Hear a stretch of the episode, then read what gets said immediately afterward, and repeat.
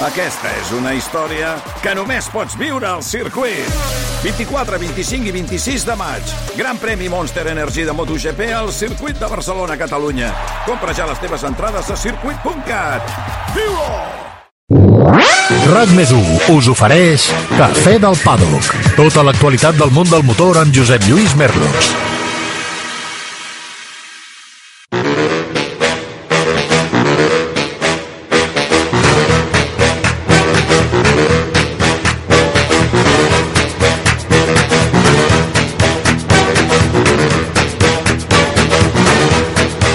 Què tal? Com esteu? Benvinguts una setmana més al Cafè del Pado, que avui el cafè ve tan carregat, avui ve amb dosi extra de cafeïna, la que ens va proporcionar aquest apassionant Gran Premi d'Hongria de Fórmula 1.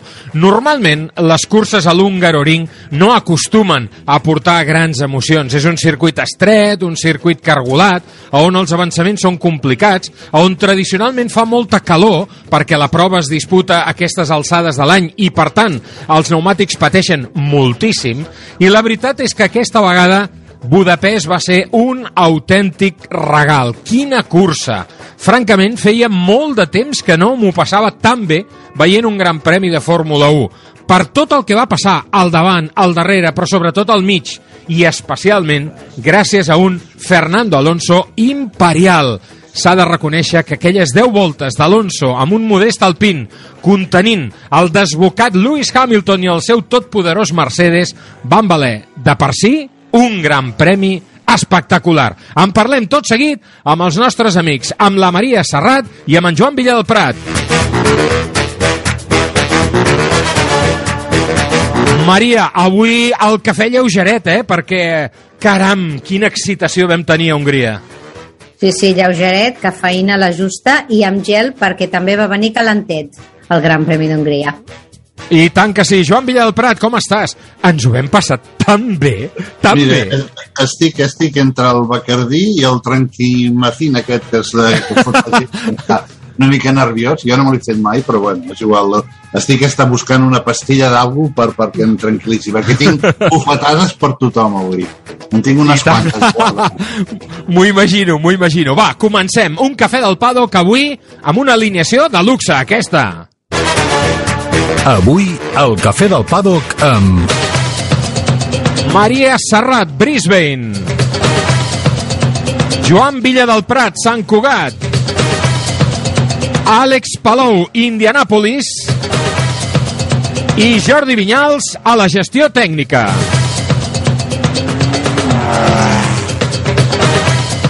Avui us hem preparat els següents continguts informatius, molts temes per parlar i per reflexionar.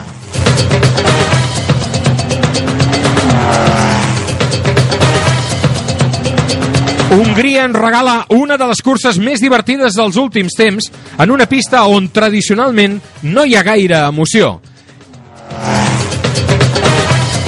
Esteban Ocon es converteix en el centèsim guanyador diferent a la història de la Fórmula 1 gràcies a la seva victòria a l'Hungaroring, la primera per l'antic equip Renault des de la seva tornada a la Fórmula 1.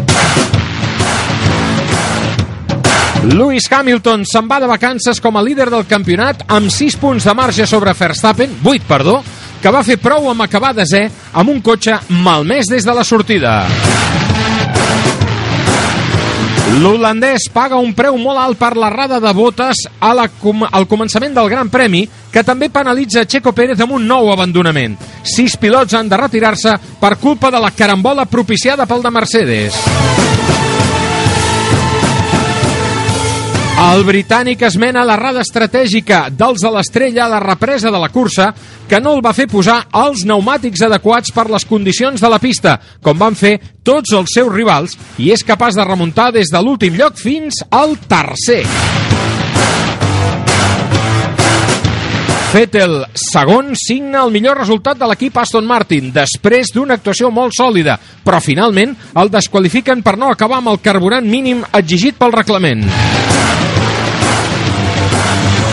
Sainz, quart, remunta des de la quinzena posició de la grella i perd el podi a l'última volta després d'haver lluitat per pujar-hi, però després el recupera per la penalització de Vettel.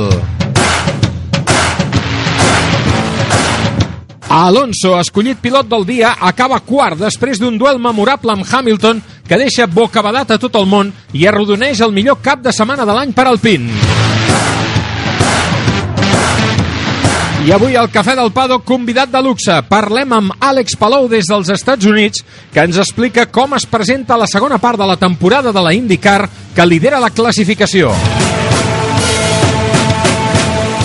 Miquel Molina guanya amb el Ferrari de l'equip AF Corse la categoria Pro Am a les 24 hores d'Espa, en la qual els catalans Dani Juncadella i Albert Costa no poden arribar a la meta en una edició marcada per la duresa. RAC Més? 1.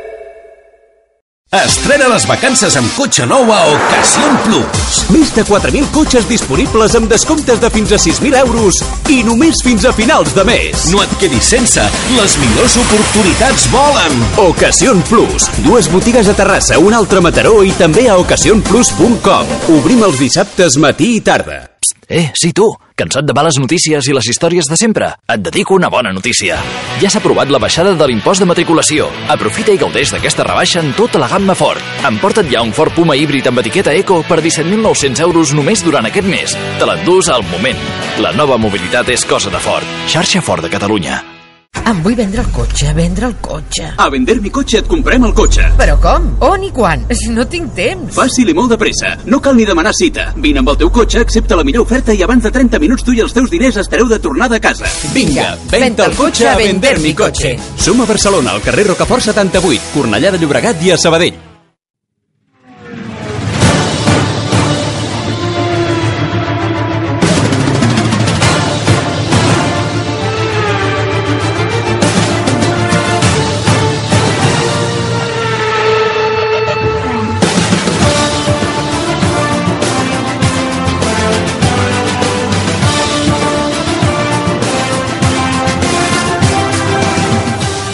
L'himne oficial de la Fórmula 1 d'aquesta temporada ens porta a analitzar les claus del Gran Premi. Abans que res, eh, Joan i Maria, no sé si heu tingut l'oportunitat d'escoltar aquest himne interpretat per un grup coreà que el canta a capella.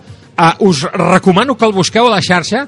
Mirarem de posar-ho la setmana entrant perquè realment és espectacular. No sé si l'heu sentit, eh? però és, és boníssim sentir aquesta, aquests cantants i cantantes de Corea uh, perquè realment és, és, és boníssim com, com interpreten aquest himne. Va, anem a escatir les claus d'aquest gran premi. En primer lloc, la pluja, la pluja que va caure hores abans de la cursa, que va fer que tothom eh, sortís amb intermedis, amb la qual cosa les possibles varietats estratègiques se'n van anar a Norris, perquè ja sabíem que Mercedes sortia amb el pneumàtic eh, mitjà, que Ferrari i Red Bull sortien amb el pneumàtic tou, i això ens feia alimentar l'esperança d'una sortida espectacular. No va caler l'estratègia dels pneumàtics per tenir una sortida animadeta. Maria, Joan.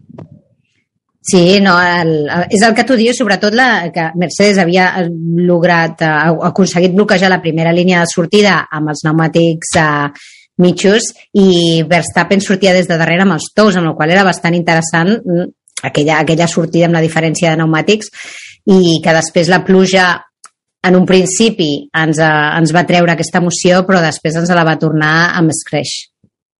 Amb l'accident múltiple.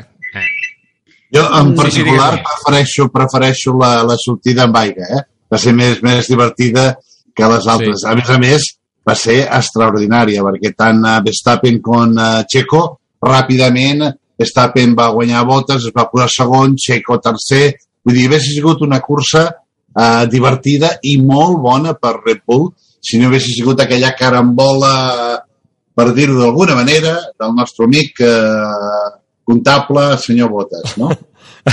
Semblava el Nadal a tres bandes de TV3, allò, eh? Perquè ah, realment la precisió de Valtteri Bottas, eh, caram, tu, ostres, és el rei de l'snooker, eh? No, no, i, aviam, jo, jo, jo entenc perfectament que ell no, no va fer-ho expressament, però, però, però, però, noi, veient com el Norris se li, li va adelantar per la dreta, que a més a més va fer una sortida espectacular, Brutal. veient com estava la situació, Home, uh, la veritat és que d'un pilot de la seva categoria mm, s'espera alguna millor, no? Hem criticat moltes vegades el que va fer Grosjean a Spa. Te'n recordes sí. quan es va portar a tothom? I el que li va passar Se li, se li va, inf... Cuidado, se li va i- enfilar el cap a Alonso. i, i, i el, que li va, el que li va costar a Grosjean allò, no? a part de la imatge, les penalitats que li van posar, etc etc. D'acord? A- Ara aquí el Bottas fa absolutament el mateix i li posen 5, punt, 5, 5 posicions a la parrilla per Spa. Aviam, hi han coses que, torno a repetir, no tenen massa sentit per mi en quant a com juguen en aquest número de, penali de penalitzacions o com, com els comissaris eh, decideixen què posar i què no posar. La veritat és que estic una mica indignat amb això, perquè portem dues curses, vulguis o no vulguis, són dues curses on Verstappen ho estava fent fantàstic i Red Bull ho estava fent fantàstic, on eren líders del campionat tant de constructors com de pilots, i en aquest moment són a darrere de Mercedes, i a més a més, no, no només el fet de que hem perdut els punts, sinó és que Checo Pérez, el motor, segurament està mal fet, perquè a més a més van trencar el va, va perdre tota l'aigua i això va, això va escalfar el motor i això té un problema. Li han trobat una crack en el bloc, en el motor de Verstappen del 51G, vol dir que potser també perden el motor de Verstappen, vull dir que en aquest moment no només han perdut eh, de moment el lideratge del campionat tant de pilots com de constructors, sinó que a més a més se'ls hi posa molt complicat per acabar l'any. Sí, realment eh, un, preu, un preu molt elevat aquesta carambola. Maria, eh, ajuda'm, perquè jo encara no he entès ara. L'errada estratègica de Mercedes aguantant Hamilton sense posar els pneumàtics que tocaven i amb aquella imatge tan increïble, eh, Hamilton sol a la graella. Um, ostres, jo em pensava que després d'aquella graella d'Indianapolis amb quatre cotxes ja ho havia vist tot, però no, no, no. Uh, un sol cotxe a la graella no ho havia vist mai. Semblava una pujada en costa. La veritat és que va fer una miqueta, no sé, a mi, a mi em va fer una mica de vergonya, no?, veure allí a, a Hamilton tot sol a la graella començant uh, per un...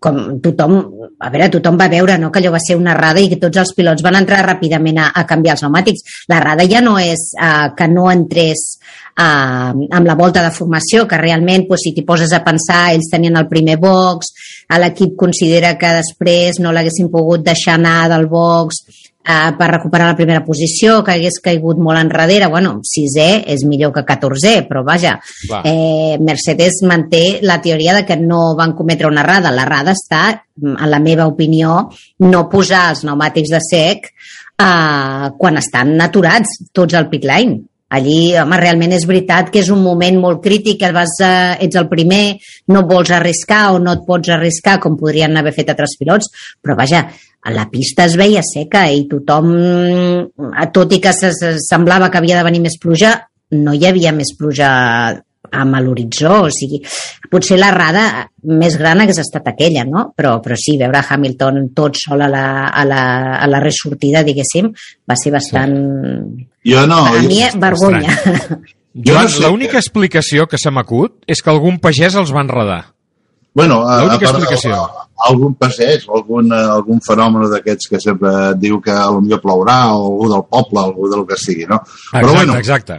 independentment d'això, el que estava clar és que, que a la volta de reconeixement, quan surten, jo puc entendre que quan estan al pit, en el, al, al, al pit lane, eh, doncs no ho saben, no saben com està el circuit, aleshores no poden prendre una decisió que podia ser fins i tot eh, molt arriesgada, no?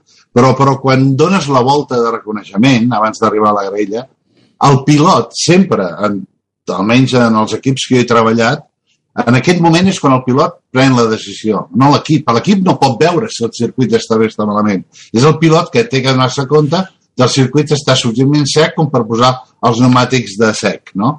I jo no sé si Hamilton va estar atontat o dormit, o l'equip el, eh, va acceptar això, no sé el que exactament, perquè a més a més, com sempre, a Mercedes, tot igual sempre surt a justificar qualsevol cosa que li fa al seu nen, no? Això és típic, vull dir, no s'equivoquen mai, sempre ho fan tot bé, etc etc etc. Bé, eh, fantàstic, però el que està claríssim és que van fer el ridícul total, un ridícul espantós i que per primera vegada a la Fórmula 1, amb tots els meus anys d'experiència, he vist una cosa del ridícul de, que vam veure en allà. No? Jo permet-me Una permet una un, cagada altre, enorme. un altre punt, perquè estic totalment d'acord amb el que diu el Joan també. Ja no només és el que decideixi l'equip, que com bé dieu, l'equip no és el que està a dintre el cotxe a la pista. és, uh, és que l'equip prepara els pneumàtics. Els, els, els mecànics estan preparant els Els pneumàtics tenien a punt, eh? Els l'entrada de tenien a punt.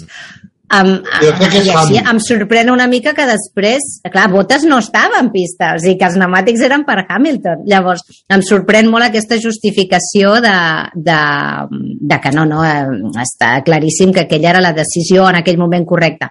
Um, no, no ho acabo d'entendre. I després la, el missatge de ràdio de Luis dient, bueno, a veure si a partir d'ara eh, ho fem una miqueta millor. Això em va semblar una mica pixar fora de test, perquè, Sí, eh, sí. Luis, és la teva responsabilitat. Si tu no entres... Sí, sí. mm, Mira, t'aguantes, Alonso ho ha resumit diguéssim. molt bé, eh? Hi ha, un, hi ha unes declaracions del Fernando que diu eh, Luis siempre se queja. Mm, i, i, I té raó. I té És que raó. última, veritat. últimament és, és el... un ploramiques.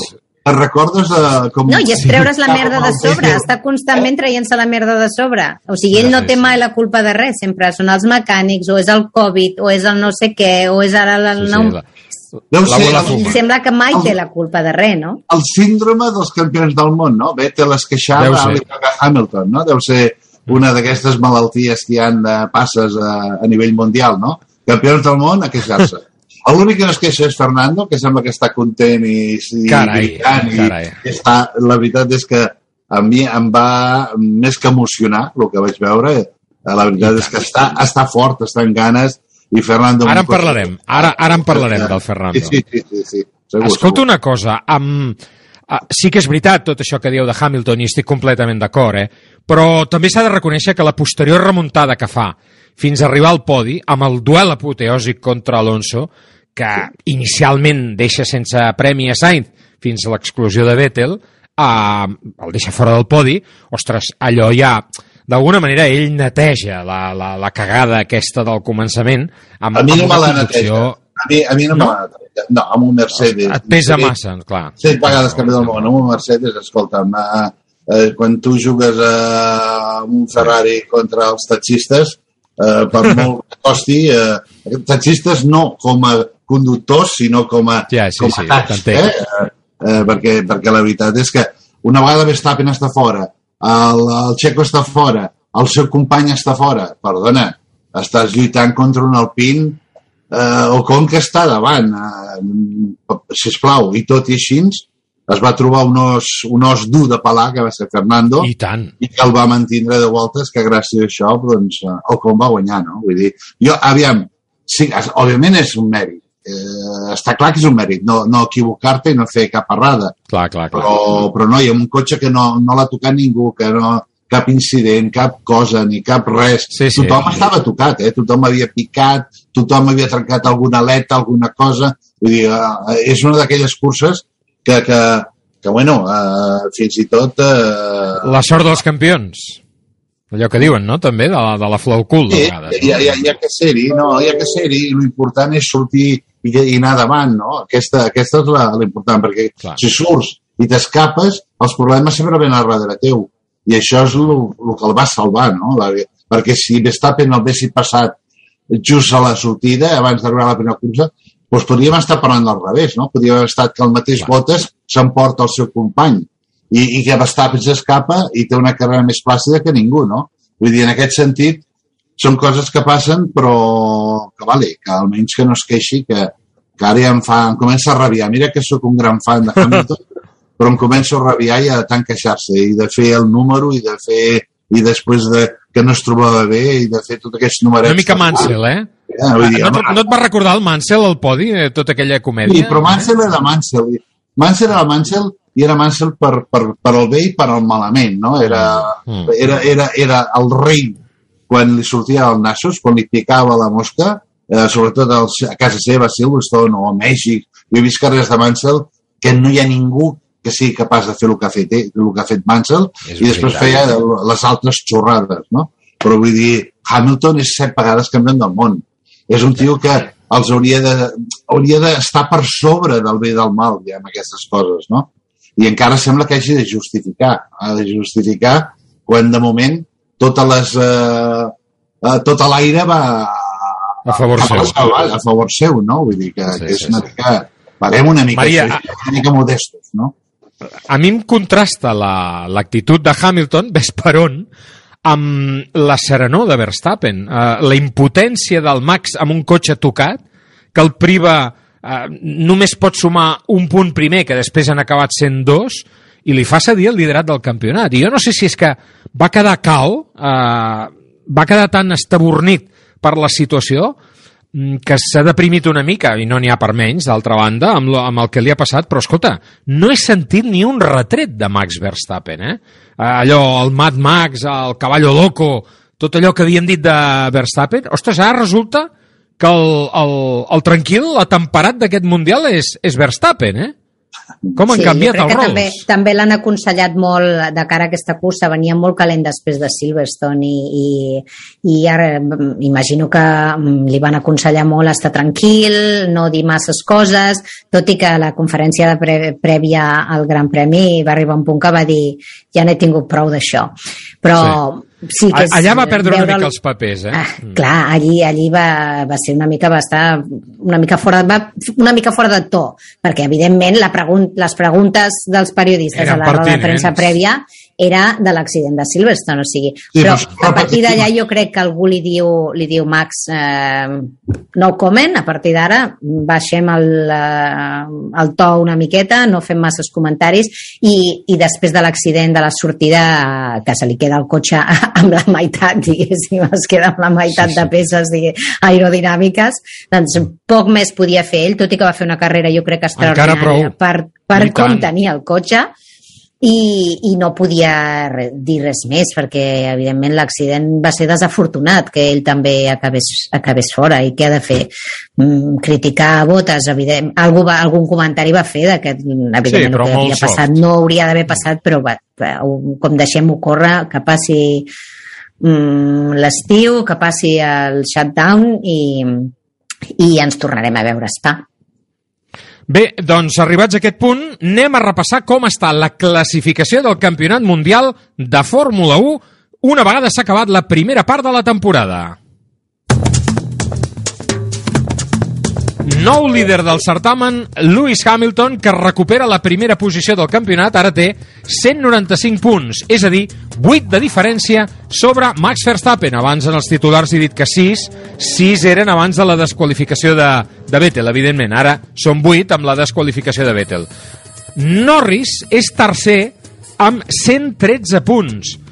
Atenció, eh? Tercera posició per Lando Norris amb un McLaren. Sembla que de vegades no dimensionem exactament la temporada impressionant que està fent aquest nano, que va per davant de Valtteri Bottas, té 5 punts més Norris que Bottas. D'acord, va fer l'estrike Bottas, però Norris té 113 punts, que amb un McLaren és una autèntica animalada. Cinquena plaça per Checo Pérez amb 104, sisena posició per Carlos Sainz amb 83, en té 3 més que Charles Leclerc, que ocupa la setena posició. Esteban Ocon és desè del campionat amb 39 punts i amb un punt menys a la onzena posició Fernando Alonso, que aquesta vegada, per mort de la victòria del francès, s'ha vist superat pel seu company d'equip a la classificació del campionat.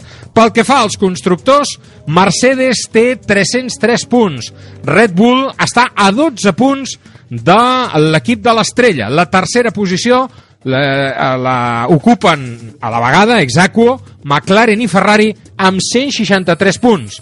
I a la cinquena tenim Alpine amb 77. És a dir, que amb aquesta situació Hamilton, Mercedes i la Fórmula 1 en general se'n van de vacances. Vacaciones de verano para mí, caminando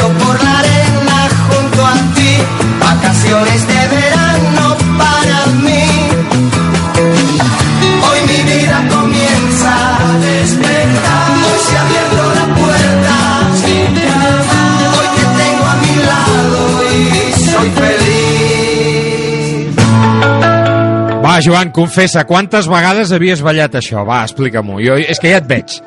Ja et veig ballant això. El rei de la pista. Per- Personalment no he sigut mai el rei de la pista. Puc ser, puc ser el rei de la barra. Això és una altra història, no? Amb 90 graus al braç i amb la copa a la mà. Això, això no t'ho trauré perquè això sí, no podria, no puc amagar, hi ha massa gent que m'ha vist. Però de la pista, molt, complicat i difícil. bueno, Jo, perdoneu-me, Ah, cosa- però eh, amb aquesta música de fons estava visualitzant, com just hem parlat de Verstappen, vacaciones de verano, me l'estava visualitzant a Mónaco, passejant, paseando por la playa, eh? I, i, i ostres, m'ha Pobre és, noi. és molt gran, eh? Pobre noi, pobre noi. I no ho dic només per la cursa d'aquest diumenge. Jo també me l'estava imaginant passejant per Mónaco acompanyat. Pobre noi. Bé, va, ara... Em, em, em, en el fons em sap greu ara, eh? El, el, no fer vacances, no. Eh, eh, que la Fórmula 1 se'n vagi de vacances, no? Perquè... Sí, però està calenta, està, està, està eh sí? Sí, Sí, ja sí, està, sí. està en el seu moment bo que haurien de tindre quasi, quasi eh, una cursa a la setmana, no? Per, Ah, exacte, per, no baixar, exacte. per no baixar els ànims, perquè tothom es mantengui... A, a part de que va ser una cursa molt maca, amb moltes guerres. Molt xula, home. Ostres, El- van passar Però no coses. només Hongria, jo crec que hem tingut una, una primera meitat de temporada molt bona, molt xulo. divertida. Tu deies, eh, Josep Lluís, que el- a l'incident de la primera cursa, però és que eh, no només va ser Botes, després va tindre el gran Stroll, també se'n va portar Leclerc, vull dir, va, van Sí, passar... això ja no em sorprèn tant. Em, va, em van passar moltíssimes coses, no? Vull dir, eh, en, en aquest sentit. I mira, eh, coses eh, fantàstiques, i parlant de, de Carlos, eh, doncs per la desgràcia del dissabte, de donar-se el cop i acabar el 15 de la classificació, els de darrere que es van veure tot el merder van saber Sí. com buscar el lloc per És passar. veritat. Eh, vull dir, eh, eh, gràcies a, l'inc- a, a, a sortir tan enrere, són els que van estar davant, no? Vull dir, en aquest Va tenir sentit, perspectiva. Sí, sí. la, la, la, no se sap mai això de, allò que diuen de la sort, no se sap mai el que, el que pot passar, no? Escolteu, jo vull repassar aquest gran premi cronològicament, perquè aquesta vegada van passar moltes coses um, que jo crec que s'han d'explicar per ordre. La primera, la polèmica per la reclamació de Red Bull a la FIA, no atesa, de la revisió sobre la penalització a Hamilton. Ara ara està de moda apel·lar, apel·lar les decisions de, de la FIA. I el posterior comunicat de rèplica de Mercedes. Què en penseu? Bé, la primera, eh, lògic que ho faci l'equip i ara ja tens que pagar. Vull dir, antigament es feia una apel·lació només per pensar un parell de dies i després la treies. Eh, això ho he fet jo 50 La- L'obligació de l'equip és defensar el que tinguis que defensar quan et sents perjudicat. Uh, el que no té, el que lluitar contra la FIA una vegada en pres una decisió és bastant complicat. I bàsicament de la forma que, que se l'han tret de sobre, dient que no hi ha noves evidències que ho diguin, bueno, això ja, ja és que me l'he sentit i ja, i ja m'ho esperava, no?, bàsicament. Vull dir que d'aquí res, eh, res a, a esperar perquè eh, és la FIA és així. I l'apel·lació O sigui, que ha fet... O sigui, que amb, amb, amb això que em diu Joan, m'estàs dient també que Aston Martin eh, que es posi a l'ombra amb la reclamació del Vettel, no? que es posi l'ombra en la reclamació del Vettel perquè no hi ha res a fer. A més a més, el del Vettel és molt més clar. Vull dir, si no treus el litre de benzina, pensa que necessites un litre perquè hi ha, eh, hi ha una, una quantitat d'aquest litre que va a la FIA, una quantitat, al laboratori de la FIA, una quantitat d'aquest de que va a un laboratori independent i una quantitat que es queda en l'equip per, perquè no es pugui mesclar o que no es pugui fer una trampa en aquest sentit, no? Vull dir, necessites, sense cap dubte, un litre de benzina. Si no hi és, doncs, eh, jo ho he vist en el passat, m'ha passat a mi, vull dir, Clar, jo he estat clar. desqualificat hasta per un mil·límetre a l'hora de darrere. Me'n recordo Clar, clar. a, El reglament és el reglament. No, vull dir, el reglament és el reglament, no? I això, és- això no hi ha contestació, per molt que apel·lin, poc, poc faran. Maria, anaves a dir alguna però- cosa, crec, d'això. Sí, em semblen, em semblen dos casos eh, una mica lleugerament diferents. L'apel·lació, són, en, ho en el meu punt de vista, eh? El, la, la, sota el meu punt de vista, l'apel·lació de Red Bull no té cap sentit, perquè has de presentar noves evidències i no hi havia, no tenien cap nova evidència per, per reobrir, diguéssim, el cas. Mm, o sigui que fins aquí estava bastant clar que la FIA no anava a obrir, a no sé que hi hagués fer, alguna molt fer manifest sorprenent. l'emprenyada que portaven. Molt bé, doncs mira, sí, ja l'hem vist i ara ja, ja està, ja està. I, I el comunicat que tu deies de Mercedes, eh, a mi m'agradaria mm, veure a veure què és el que van presentar també, no només aquests gràfics que diuen que van presentar, sinó també com, com van presentar això, perquè Mercedes estaven molt ofesos de com s'havia tractat i com s'havia qüestionat eh, l'esportivitat no, de Hamilton amb aquest respecte.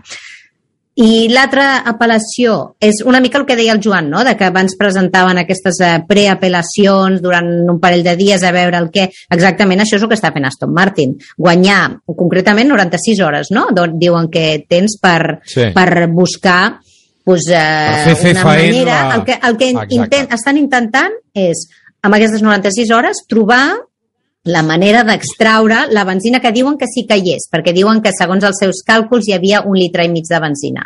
Ara bé, a on està aquesta benzina Espera, és el... reglament- El reglament ha canviat. Antigament, el que fèiem era... eh, Fins i tot hi havia tret el dipòsit de benzina. O sigui, Sí, traiem els tubos dels injectors, traiem, ho traiem tot i anàvem posant gotes dintre gotes per anar omplint. Traiem Ah, la però ara no es pot. Ara no es pot. Ara, bàsicament, el reglament t'ho diu molt clar, posa la, la, només la, la tapa d'on hi ha el, el tubo on treus la benzina del tot del cotxe i, i s'ha acabat, ja has El reservori.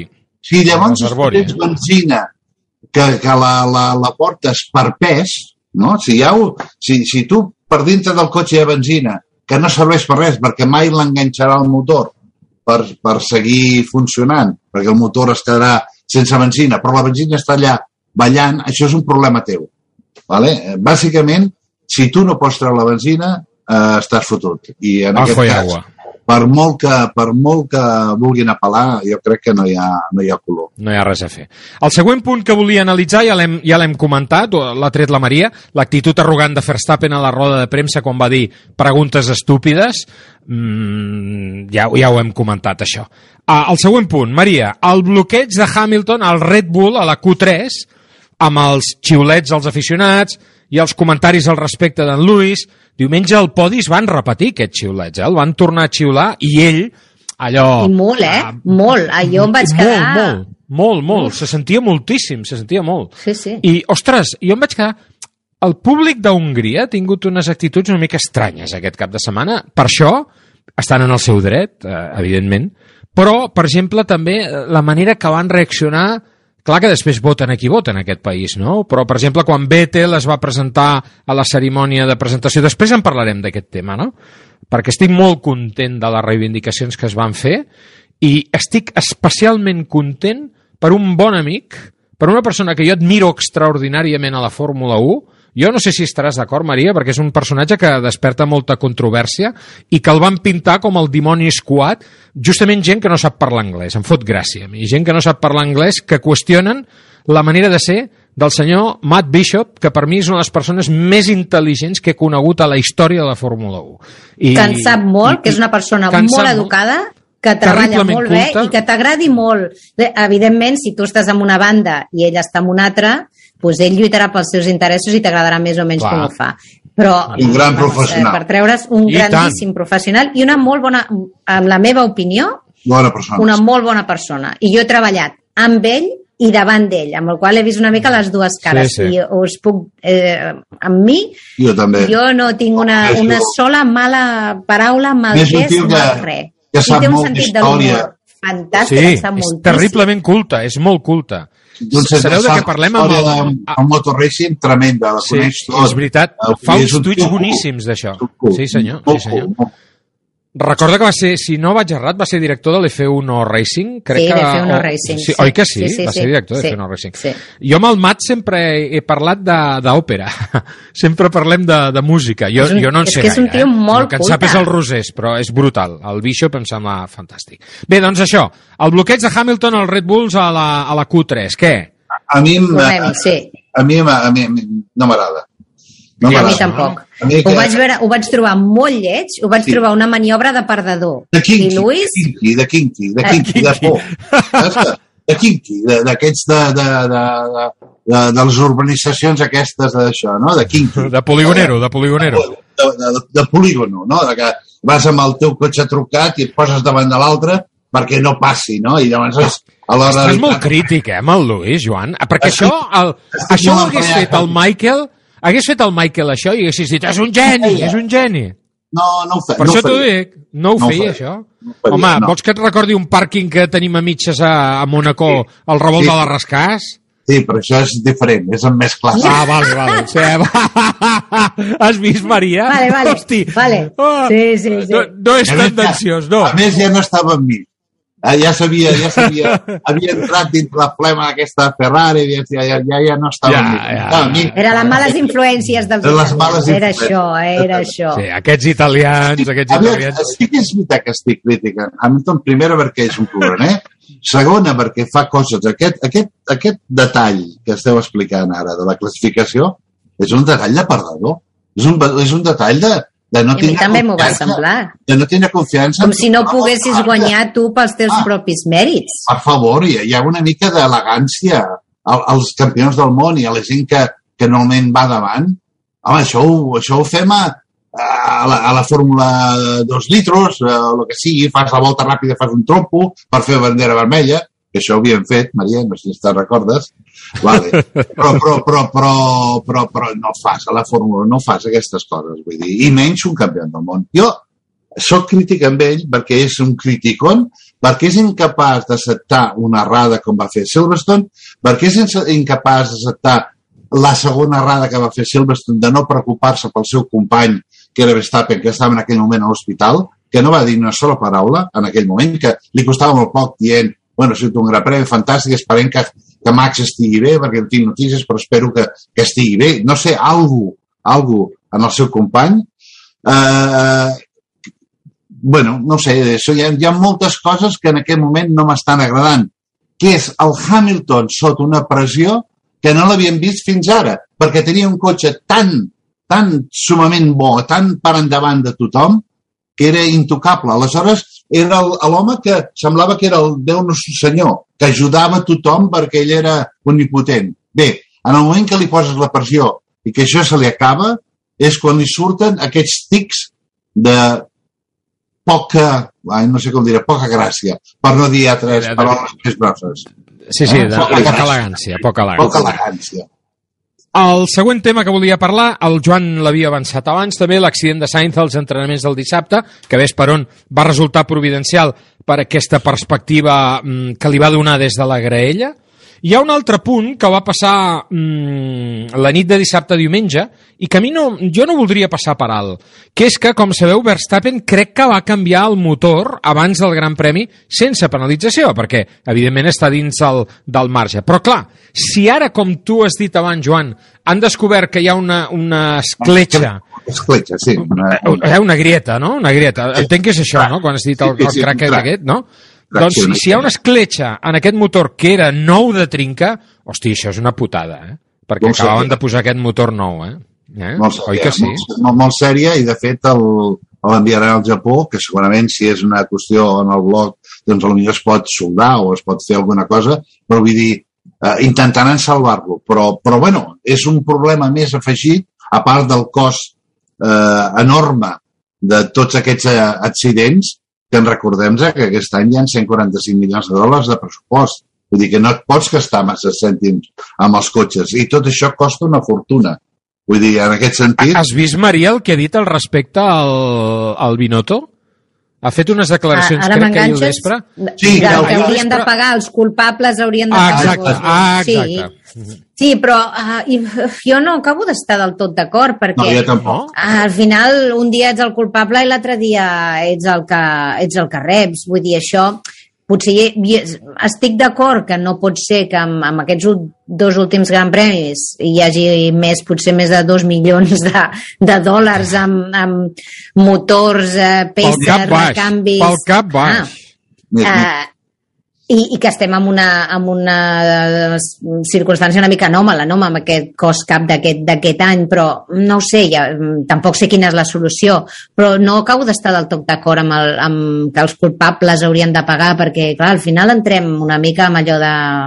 Sí, bueno, però no sí. sé, no ho sé. Però sí, però sí. Ah, Hi hauria d'haver alguna penalització, està clar. Més I més de- severes, més severes de les que vam veure tant a Silverstone com de les que hem vist Home, aquí. Això cinc, cinc posicions per botes... són- Ah, home, és, és el Ah, que ha dit el ah, Joan abans. perdona, Amb un Mercedes, vamos, en, Clar. en cinc voltes estàs tercer una No, no. vegada. Que és la El seva... el que valor dieu és el motor és el motor de Pérez també, que Ah. com dieu, a l'últim motor que entra sense penalització, això estem a meitat de temporada, no arribaran a final de temporada No. amb aquests motors, amb el qual penalitzaran ells en properes curses.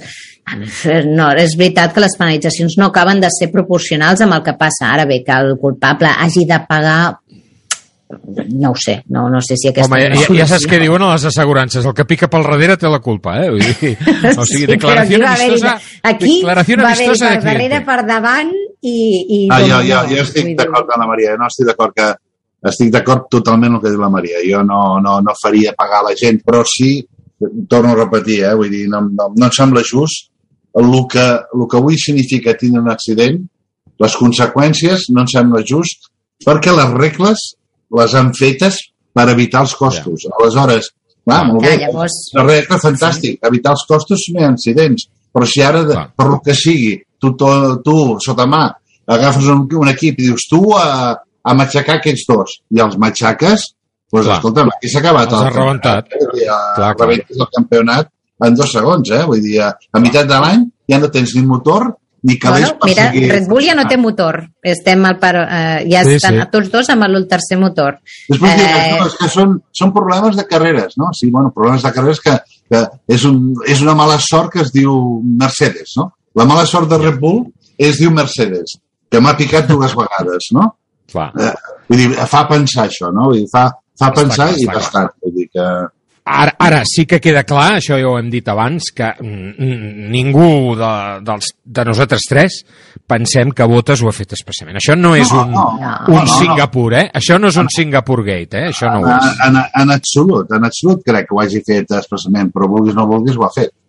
Punto. Eh, Està ja clar, està. està clar. I, i, el que, I el que torno a repetir, l'exemple més clar és el que vam criticar a Grosjean perquè va tocar l'Alonso i perquè no sé Clar, què. clar. Se'n van portar... se li, va, inf- se li va enfilar el clatell, eh? I, Hi ha una i imatge van, li, van esgarrifosa. donar, li van donar una cursa, no me recordo si una cursa o dues. Sí, una eh? cursa. Una cursa, una cursa d'expulsió, sí, sí. sí. Vale. I, i, i, i, i, i, i a Michael li van donar dues curses a Silverstone, només perquè no va perquè vam fer tot aquell merder de la de la de la de la d'adelantar a la a la volta de reconeixement. Vull dir, és que som Una mica... No- Norris ho va apuntar també quan, quan uh, li van fer l'entrevista després de cursa, va apuntar una mica que no pot ser que amb ell eh, li posin aquests punts de penalització per una, si recordeu, que no va entrar al pit lane quan havia d'entrar i llavors els van penalitzar els comissaris eh, i, i que sigui la mateixa entre cometes, la mateixa penalització que hagi de tenir botes a la cursa següent, no? Les cinc posicions a la graella, vull dir, és molt desproporcionat. No, té no... sentit, no té sentit. Sí, No, té sentit. I en, i en Saps de què aquí, m'he recordat ara, ara Joan? Saps què m'he recordat? Ara m'ha vingut una cosa al cap. Hòstia, m'he quedat tocat ara. El dia aquell que Grosjean s'enfila al cap d'Alonso, te'n recordes on vam anar a sopar aquell dia? Ui, Aquell dia va ser l'últim dia que vam sopar amb, amb el Carlos Castellà. és veritat. No, sí, no ho diguis. Eh, Vam anar, eh, vam anar a sopar amb el, el l'Andy, el Carlos, tu i jo, en un restaurant que es deia l'Escuderia. Va ser... Que vam menjar molt bé, vam riure com bojos. Sí, com a bèsties vam riure. Bueno, um, uh, un, un, altre, un altre factor que jo voldria posar en valor. El valor de la victòria d'Ocon. Justament al mateix lloc on Fernando Alonso va guanyar el seu primer gran premi, també amb un Renault, ves per on? Uh, Ocon s'estrena com a guanyador d'un gran premi. Jo he llegit algunes coses que m'han emprenyat una mica. Com si Ocon ho hagués tingut fàcil. Uh, diu, no, és que no tenia ningú al davant. Sí, clar, és el que té anar primer. Però és que jo crec que aquest nano ho va fer molt bé. Oh, molt bé. no va Molt bé. cometre ni una errada. Ni una errada. Jo crec que s'ha de posar en valor la seva victòria. Amb, amb un Vettel que està en forma. Ah, exacte, Un exacte. Vettel que està en forma amb un motor Mercedes, vull dir, a darrere d'ell, tota la cursa, eh, buscant-li el forat i buscant-li això, perquè el Vettel estava agressiu. El, el Vettel va sentir sang, va veure que podia guanyar... El i podia va... haver atacat més fort o no? Tu creus que, no creus que Vettel va tenir l'ullal poc esmolat a l'hora d'intentar atacar més a Ocon? Podia haver massa conformista o no? Bueno, aviam, eh, per, per, per Pel que cotxe, sobretot, eh? Per el que he pogut llegir, eh, eh, tothom va arribar al final de la, de la cursa amb la benzina una mica al pèl. De fet, el, el Carlos, que va fer una cursa bona i que no entenc, després parlarem de Carlos perquè vull, vull centrar una mica en el que li va passar que no ho vaig entendre. Però també en un moment determinat li van dir aixecar el peu perquè Al final si no, no també, arribava, sí. no arribava fins al final. Vull dir, potser aquest va ser el gran problema, no? El, el problema de, de, de dir eh, mantindre't i juga-te-la una o dues vegades. No te la pots jugar masses vegades perquè no tens suficient de benzina per acabar. I, I perquè tampoc en un circuit com el Hungaroring pots estar, entenc, a sobre Oh, clar. tanta estona, no? Amb les temperatures... Eh, més, eh, Ah, amb jo, els- jo no el vaig veure rectes, atacar en diverses clar. ocasions, però amb els és veritat que en un estaven, punt... estaven una mica, els únics que portaven els pneumàtics bons era el Hamilton en aquell moment, no? Vull dir, Sí. els altres tots anaven al pèl. Vull dir que... Perquè crec va anar a que- dues aturades Hamilton, clar. Per Jo, això. jo crec que Va el anar a Con va fer una carrera fantàstica. Vull dir, va tenir la gran sí? sort d'estar a l'interior, de no tocar-se ningú, de, de col·locar... Sí, la seva sort és la sortida, la ressortida, perquè no, no, no ens oblidem que ell és el que va darrere de Hamilton i Hamilton no entra a canviar els pneumàtics, o sigui que aquí és on es planteja una mica el dubte de entro o no entro, i entra i, i a partir d'aquí sí que és absolut mèrit, de, en la meva opinió, d'Esteban Ocon Sí, senyor. la cursa que va fer. Sí, senyor. de gestió No, de pneumàtics, de gestió de la pressió de Vettel, I de gestió, com dieu, de benzina al final. Me n'alegro moltíssim perquè, a més a més, va ha tingut uns problemes, li han canviat el xassis, i digue-li, eh, per una qüestió moral o una missió de, de, de, de, de coco, el que està claríssim és que en aquest gran premi ha, ha tornat una altra vegada a ser l'Ocon que, que esperàvem Que coneixíem. d'ell, no? que coneixíem d'ell i que sabien que tenia aquest potencial. I ja ho va fer-ho Silverstone, vull dir, tot va ser canviar el xassis, digue-li, ja et torno a repetir, a vegades és una qüestió mental o a vegades és una qüestió estructural. Potser el xassis era, eh, era tou o alguna cosa Sí, passava. o tenia una esquerda o algun, El que sí, algun el que cop sí, d'aquests el ocults. claríssim és que està en forma.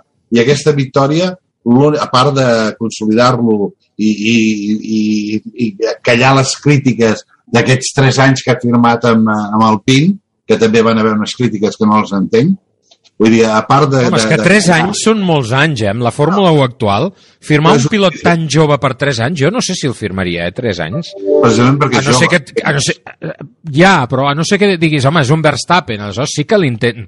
Aviam, Ocon és un bon pilot, però no És- crec és que sigui un bon Leclerc pilot. com... Sí, i que, està clar. que digui Verstappen, que va lluitar amb ell amb, amb I tant, Fórmula i tant. 1, eh? I el va guanyar diverses vegades. Vull dir que Sí, és veritat, Ocon és, és veritat. Ocon és un gran pilot. eh, El que passa que ja saps que en aquest món necessites estar al lloc correcte, al moment correcte, En el moment, i en el moment correcte. adequat. Sí, sí. dir, eh, Mira, ara que, ara que estem parlant del PIN, eh, vull tornar a parlar d'Alonso, perquè és que, hòstia, és que, és que, és que m'ho vaig passar tan bé. O sigui, a casa estàvem Espectacular, drets, espectacular. drets cridant, drets cridant, allò enfilat al, al, al, al, al sofà, però, però de debò, eh? No perquè hi hagués una càmera al davant com fan alguns, no, no. O sigui, em vaig enfilar al sofà perquè, hosti, és que era boníssim veure, veure Net, aquella actuació d'Alonso. I em, em va agradar tant la imatge aquella final veure a Alonso Esperant anant a felicitar... Ah, Exacte. Ostres, allò Sí, de veure sí. els dos cotxes i després anar al corralito allà, abraçar-se. Ostres, m'han agradat fins i tot unes declaracions d'Alain Prost, imagina't, imagina't si estic content amb, amb el tema, que fins i tot per primera vegada m'han agradat unes declaracions de Prost, Joan, no, no, imagina't. jo, jo, jo, jo quan, les, quan, la, quan ha entrat ell jo he canviat, he canviat pàgina. Sí, ja m'ho imagino, ja m'ho imagino, però Ja, és que va, però- ser, però- és que va ser però- molt bèstia el que va fer aquest tio, eh? Brutal, brutal, brutal. I a més net. A més, eh, és jugant, jugant als límits. Eh, Fent-li entendre que de por no li fa cap.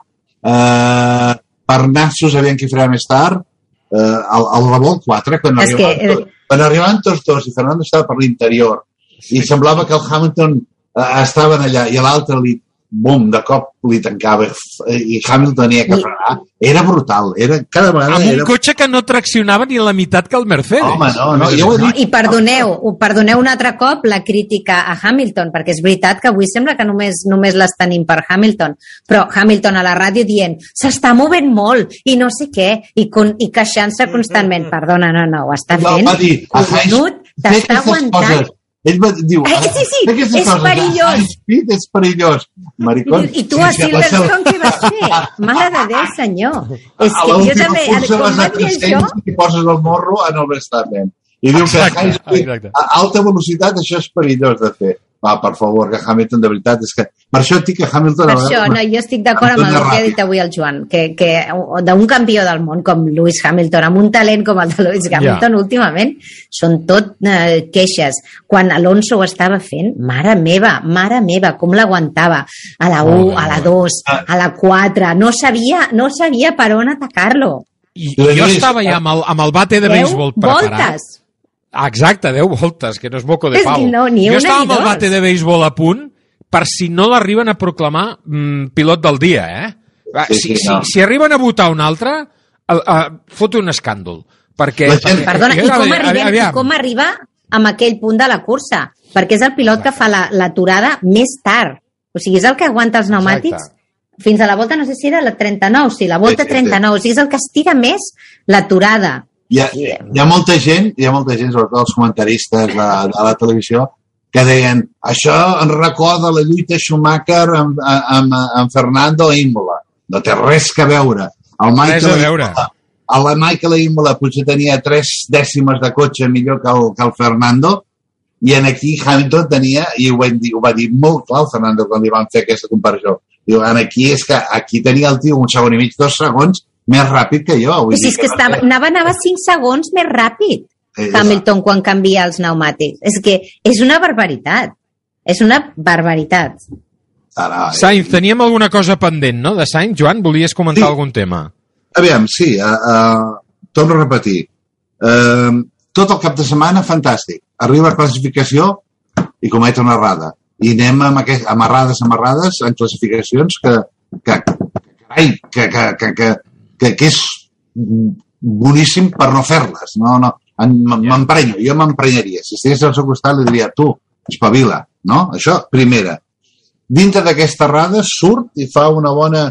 Eh, bueno, li té la sort de, de veure tot el que passa i, i posar-se a quart. Arriba a, a, en el canvi de pneumàtics i queda sisè. No ho entenc. Si perd temps en el pit stop o què és el que passa, però passa de ser quart a ser sisè. I després té que lluitar per tornar a ser quart una altra vegada. I quan està agafant amb la gent de davant, arriba un moment que sembla que, que els pneumàtics li fallen. Comença a fer temps que no són tan bons. Al- Aleshores, pot ser que sigui que Era el tema de la benzina, no? el- el que deies, no? benzina, Potser. Però després de cop es torna a engegar una altra vegada. Vull dir, hi ha moments, no sé, li, era un moment per al Carlos per quasi, quasi guanyar. Tenia un cotxe per poder lluitar per la victòria en aquest, amb les circumstàncies que van estar. Era, era, era, un, era un moment que ell interiorment deuria pensar és un, puc guanyar avui. I, i no sé, hi ha, hi ha coses que a vegades eh, uh, em costa. Maria. Maria. Jo, mm, aquí estic, no estic d'acord amb el Joan, perquè a, en la cursa, el Sainz, a mi em demostra un moment de maduresa i d'autoritat a Ferrari que em trec el barret. O sigui, quan li diuen que entri a fer, que entri a Sense canviar Leclerc, pneumàtics... que a més a més, clar, sap Sí, que tota que- la responsabilitat de l'equip l'ha de defensar ell. i, i no, i no s'arronsa en dir que no. Diu, no, tinc ritme, deixeu-me. I gràcies a aquesta decisió de Sainz, no de, no de Ferrari, li fan a l'undercut a Sonoda que els havia passat. Eh, o sigui, recupera, recupera les posicions, es col·loca en posició de podi i Sí. és veritat que després hi ha el problema de la benzina i tot això, però no crec, a part de l'errada, la gran, això sí que estic totalment d'acord, la gran errada de la classificació, a la cursa jo crec que va estar molt bé. Les pèrdues de posició són al pit lane, quan entren tots a canviar a pneumàtics de sec, i allí és on els enganxen a contrapeu, però sobretot perquè quan no pots fer l'unsafe release, llavors estaven entrant cotxes. I allà és, desgraciadament, li surt malament la jugada, que és per les posicions. Vale. A partir d'aquí, en Això pista, és el que no vaig veure. clar, en pista jo el veig amb ell superfort, portant molt bon ritme, i sobretot el que deia, la, el moment d'autoritat de dir-li a Ferrari, li està dient a Ferrari que no. Que com no li surti bé Escolteu. la jugada, En, aquesta, en aquest eh, repàs de, del Gran Premi detallat, després hi ha altres aspectes que parlarem eh, a la nostra secció Mucho Russo en Rússia, eh? però um, coses que a mi m'han agradat, que voldria només apuntar, mm, estem una mica fora de temps i per tant no, no, no entrarem a analitzar-ho, però Latifi i Russell puntuen per primera vegada amb, amb els Williams, i aquest equip ja ha superat Alfa Romeo, que va tenir un cap de setmana desastrós. Només queda Haas per estrenar-se, només, només queden ells que encara no han puntuat i, i ni estan ni se les esperen. Uh, cap de setmana dolent per McLaren, Norris queda fora de combat, no és pas culpa seva amb, amb l'strike del començament, però el Daniel Ricardo uf, no li vi gens bé aquest cap de setmana, i a més l'he vist una mica desquiciat, amb unes declaracions una mica estranyes al final de, del Gran Premi. Segon abandonament eh, per Checo, ja sabem per què també, però per, un, per una cosa o una altra, però porta dues curses seguides sense puntuar. I segona retirada de l'any per Leclerc, crític i amb raó pels fets de la primera volta. Fem una mini pausa i després entrem a analitzar altres coses que també han passat al Gran Premi d'Hongria. RAC Més? 1 Estrena les vacances amb cotxe nou a Ocasión Plus. Més de 4.000 cotxes disponibles amb descomptes de fins a 6.000 euros i només fins a finals de mes. No et quedis sense, les millors oportunitats volen. Ocasión Plus. Dues botigues a Terrassa, un altre a Mataró i també a ocasionplus.com. Obrim els dissabtes matí i tarda. Eh, sí, tu, cansat de males notícies i les històries de sempre? Et dedico una bona notícia. Ja s'ha aprovat la baixada de l'impost de matriculació. Aprofita i gaudeix d'aquesta rebaixa en tota la gamma Ford. Emporta't ja un Ford Puma híbrid amb etiqueta Eco per 17.900 euros només durant aquest mes. Te l'endús al moment. La nova mobilitat és cosa de Ford. Xarxa Ford de Catalunya. Et vols vendre el cotxe? Busca, compara i, si algú te'n paga més, vine a Ocasión Plus. Millorem qualsevol taxació al millor preu garantit. Pagament al cap de 30 minuts. Ocasión Plus. Dues botigues a Terrassa, un altre a Mataró i també a ocasionplus.com. RAC més 1 us està oferint Cafè del Paddock. Tota l'actualitat del món del motor amb Josep Lluís Merlos. Saben aquel que dice gran. Cosa extraña Rusia. Cosa curiosa Rusia. Mucho ruso en Rusia. Dice muy buena la ensaladilla rusa. Emocionante la montaña rusa. Dice muy bueno de mi ruso. Dice, ¿de qué parte de Rusia usted? Digo, yo soy de la estepa. Dice, muy bueno los polvorones, muy bueno los. Per vegades que ho escolti sempre em fot un far de riure quan sento això. Escolteu, uh, declaracions... Per cert, l'altre dia hi va haver un senyor que va fer un tuit dient que la secció Mucho Russo en Rússia no col·labora a la fraternitat universal entre els pobles. Bueno, doncs, uh, no, no, mira, no m'ho havia plantejat així, ja ho, ja ho tindré en compte. Agafaré el període vacacional com a reflexió uh, per aquest comentari d'aquest estimat oient. Declaracions de Gunther Steiner, uh, un que es caracteritza per la seva saviesa. Sí, eh? team manager de Haas. Massa accidents, massa xocs forts i massa sovint, és a dir, massa pasta. Mick Schumacher estaria en discussió a Haas? Què creieu? Ha tingut un cap de setmana uh, terrible, eh? Mick Schumacher. Jo l'estic veient amb involució, eh? No, no m'està agradant uh, la temporada que està fent Mick Schumacher. D'acord, va amb un Haas i això no ha de ser fàcil, evidentment. Però, hosti... Però tampoc ha de ser veiem- l'excusa cada Clar, dia. Estic d'acord. Estic d'acord que aquest que gran premi Déu-n'hi-do, potser no s'ha lluït massa. No, Sobretot amb l'errada de la, del Free Practice 3, amb un circuit molt similar al de Mónaco, on va cometre exactament la mateixa errada. Una cosa és que et passi un cop, una altra cosa és que et torni a passar i, i, i després a la cursa també vagis, vagis a lluitar-li a Verstappen mm, al mil·límetre quan potser, doncs, potser no cal. No, la veritat, la, eh, jo també estic d'acord en que, de moment, eh, semblava que, que, que anava evolucionant a l'inici de, del campionat, però ara s'ha estancat i està més aviat fent més errades de les que li pertoquen, volent anar més ràpid del que potser el cotxe és capaç de donar. I en aquest Està sentit, sobreconduint, potser, o què? està sobreconduint el cotxe. Jo crec que, que tant ell com, eh, bueno, com el nostre amic rus, doncs, eh, que del rus li, li donem per fet que, que, que farà aquestes coses, però d'ell, que en teoria té que tindre una mica més de cap, no, no, no, no, no hauria de ser així, no? Vull dir, sí que és veritat que és un any per aprendre, és un any amb un equip que té les seves eh, limitacions, però dintre d'aquestes... Però aprendre de les errades també. Has d'aprendre d'aprendre de les No. errades i has d'aprendre a, a treure-li el màxim sense tindre que estrellar-lo cada cursa, no? Vull dir que això, això també és molt important. El nostre amic rus, com l'ha definit el Joan, uh, Mazepin, que abandona... Bé, això no seria notícia, però aquesta vegada no per culpa seva, això sí que és notícia. Uh, va rebre una trompada al pit lane d'un Alfa Romeo que va fer un unsafe release. Aquesta vegada, tot s'ha de dir, eh, aquest, aquest incident va embrutar el que hauria estat una... Una brillant actuació.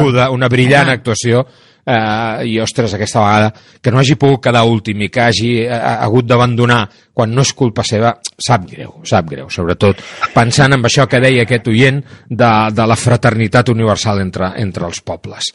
Um, escolteu, hem parlat de, de les banderes amb l'arc de Sant Martí, a les sabatilles de Fettel, de Hamilton i el casc i a la mascareta de l'alemany i eh, el colmo de l'estupidesa. La FIA ha sancionat Sebastian Vettel, crec que també Carlos Sainz, no, no, no ho sé, però crec que també Carlos Sainz. Em sembla que eren tres pilots que els he donat un toc d'alerta perquè portaven aquesta samarreta. Um, però esto què és? Però esto, a quin món vivim? La FIA, precisament, no és una institució que històricament s'hagi caracteritzat uh, per tenir una actitud sexualment pulcra, per dir-ho d'alguna manera. Sexualment pulcra. En el passat i en el present. Per dir-ho suau, no ho eh? sé. Eh? Això és per dir-ho suau. Per dir-ho suau, per dir-ho suau. Aleshores, hòstia, que, que, que qüestionin que un pilot faci una acció tan lloable com reivindicar els drets del col·lectiu LGTBI eh, és que amb, amb... Ostres, no ho sé. Jo no ho entenc. Ho trobo una rocada de l'alçada d'un campana. A Sainz, a Sainz eh, crec que també és Botes i un altre pilot que ara no, no me'n recordo qui era els, eh, els hi fan no, no, Vettel, el, a Vettel li fan la reprimenda per portar la samarreta a l'art de Sant Martí sí.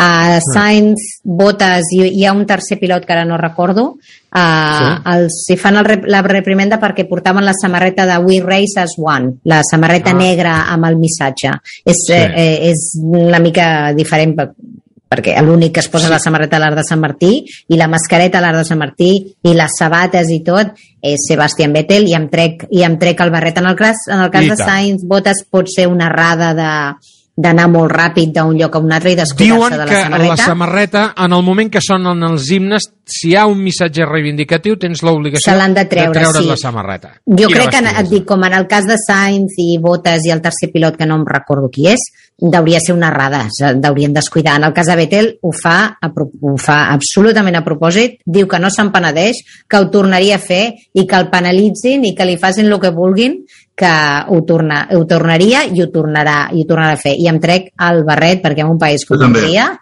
eh, I tant, ja, ja, ja, ja ho mereixen, ja ho mereixen. No, no, o sigui, eh, aquest, aquest país que recordem eh, és, ara, ara aquest país que, que s'escandalitza de segons què i, i no parlarem del love camping de l'Hungaroring, per exemple, no parlarem. Però a, ara s'escandalitzen de segons què en fi, Um, Sainz, Botes parlant... i Stroll. Mira, ja ho he trobat. Stroll. Ho tenia aquí Va. apuntat. És Stroll també. Stroll que pagui, que pagui, que no li ve d'aquí. que Um, pagui però és- tres. El que pagui El que, el que fa una acció reivindicativa amb això és, és, és Vettel i, i vaja, jo una cursa més em trec el barret, perquè després de Silverstone, i això no ho hem comentat, es queda, recull la brossa de les graderies, Ah, sí? així com No uns això. parlen molt... No? Sí, després No de la cursa això. va, va anar amb una bossa d'escombraries i un grup d'aficionats i es van posar a recollir tota la brossa, les ampolles que hi havia per allà tirades i, i a fer... Pues, alguns parlen i alguns fan. I Vettel és dels que fan. Vettel mm, s'arrisca una reprimenda deixant-se la samarreta, Vettel recull la brossa, Vettel fa una casa per unes abelles a Àustria, o sigui, cada gran premi porta una iniciativa i la condueix ell mateix, no en parla, no diu aquí hem de fer, hem de donar exemple, no, no, ell ho fa, parla poc i ho fa. I Lewis Hamilton acaba d'endegar, juntament amb Mercedes, una fundació per la diversitat. Això també també s'ha de, de fer esment. I ha posat diners. Acabem. A Hongria, a B-Sèries, hi va haver cursa de les doble B-Sèries, Nerea Martí, la jove pilot valenciana, va fer podi, Jamie Chadwick consolida el liderat, Ara Martí és tercera del campionat, compte, eh? la Nerea és tercera del campionat. Belén Garcia va acabar vuitena i ocupa el mateix lloc a la classificació general. Ara hi haurà parada també pels, uh, pels, per les noies que participen en aquest certamen i que, per tant, se'n van de vacances. Parlant de vacances, Maria, deus d'anar a esquiar, no? Ara, a les vacances, tu? Nosaltres anirem a la Ah, platja, no. que ho sàpigues. No, jo també vaig a la platja, perquè l'avantatge d'aquí és que per la nit fa fred, però durant el dia anem a la platja, en ple hivern. En ple hivern. Escolta, per cert, felicitats per Brisbane Seu Olímpica. Uh, uh -huh! Molt amb tu, eh? això està, està molt bé, Sí. sobretot perquè, mira, ja, ja tenim casa per quan anem als Jocs I tant, Olímpics. No? i tant, esteu Ja tots convidats. Però aviseu-me, aviseu-me, perquè jo vaig convidant a gent i se'n plantaran aquí. Jo, Pots i, i posar veuràs. tendes, tendes de campanya al jardí. Al jardí No, han canviat el nom de la Vila Olímpica, és Vila Maria, la Vila Maria, la Vila Olímpica. Joan, tu també punt de vacances, suposo, no? Sí, bueno, jo més o menys sempre estic una mica de vacances, però, però les meves vacances són, són, són fer eh, una mica de trepitxeu aquí a casa, no? fer una mica de bricolage i d'arreglar les coses, eh? Però, però bé, que, hi ha ganes de- d'anar una mica a la costa a veure els amics i a fer alguna paella i, està bé. Caurà, caurà, caurà. Uh, ja, ja estic a punt de tirar l'aigua a l'arròs. Um, doncs, perquè tingueu unes bones vacances, tanquem aquest bloc abans de marxar cap a Indianàpolis. Uh, us demano, si plau que no us perdeu l'entrevista amb l'Àlex Palou, perquè estic convençut que, que us agradarà i que ho passarem bé xerrant amb ell. Doncs per les vacances us poso aquesta banda sonora que us acompanyi fins a la platja. Vacaciones de verano para mí, caminando por la arena junto a ti. Vacaciones de verano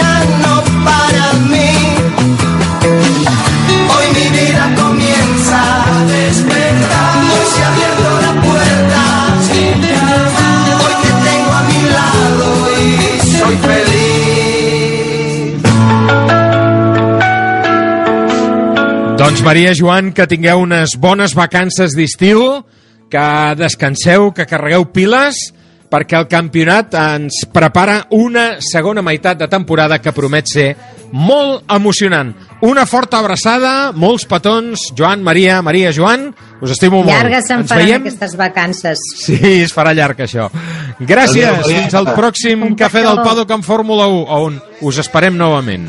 para mí, caminando por la arena junto a ti, vacaciones de verano para mí. Hoy mi vida comienza a despertar, hoy se ha abierto la puerta, hoy te tengo a mi lado y soy feliz. RAC Més? 1 Et vols vendre el cotxe? Busca, compara i, si algú te'n paga més, vine a Ocasión Plus. Millorem qualsevol taxació al millor preu garantit, pagament al cap de 30 minuts. Ocasión Plus, dues botigues a Terrassa, una altra a Mataró i també a ocasiónplus.com. Obrim els dissabtes matí i tarda. Eh, sí, tu, cansat de males notícies i les històries de sempre? Et dedico una bona notícia. Ja s'ha aprovat la baixada de l'impost de matriculació. Aprofita i gaudeix d'aquesta rebaixa en tota la gamma Ford. Emporta't ja un Ford Puma híbrid amb etiqueta Eco per 17.900 euros només durant aquest mes. Te l'endús al moment. La nova mobilitat és cosa de Ford. Xarxa Ford de Catalunya. Em vull vendre el cotxe, vendre el cotxe. A Vender mi cotxe et comprem el cotxe. Però com? On i quan? No tinc temps. Fàcil i molt de pressa. No cal ni demanar cita. Vine amb el teu cotxe, accepta la millor oferta i abans de 30 minuts tu i els teus diners estareu de tornada a casa. Vinga, venta el cotxe a Vender mi cotxe. Som a Barcelona, al carrer Rocafort 78, Cornellà de Llobregat i a Sabadell. RAC més 1 us està oferint Cafè del Paddock. Tota l'actualitat del món del motor amb Josep Lluís Merlos.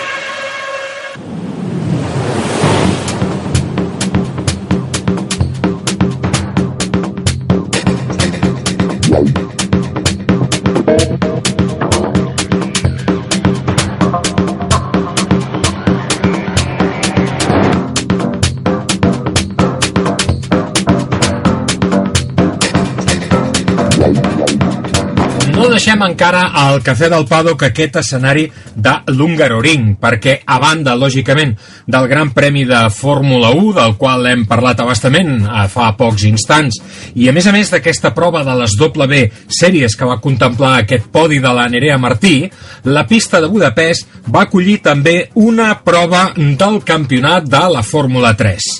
Dissabte, primera victòria del pilot Lorenzo Colombo de l'equip Campos Racing. Va ser una victòria molt emotiva perquè Lorenzo va dedicar-la precisament al creador d'aquesta formació, a l'enyorat, estimat i recordat Adrián Campos. Després, una penalització d'índole tècnica va fer que Colombo eh, fos desposseït d'aquesta victòria. Però en qualsevol cas, estem convençuts que la victòria en qüestió deuria emocionar moltíssim també el nostre protagonista dels pròxims minuts aquí al Cafè del Pado. Ell és probablement el pilot català de cotxes més de moda en aquesta temporada del 2021, perquè ell lidera amb mà de ferro la fórmula IndyCart, l'equivalent a la Fórmula 1 als Estats Units. Ens en anem ni més ni menys que cap a Indianapolis per parlar amb el nostre següent convidat al Cafè del Paddock d'avui. Ell és, atenció, el gran protagonista, Àlex Palou. Molt bones, què, què, què tal? Com estàs, Àlex? Què tal?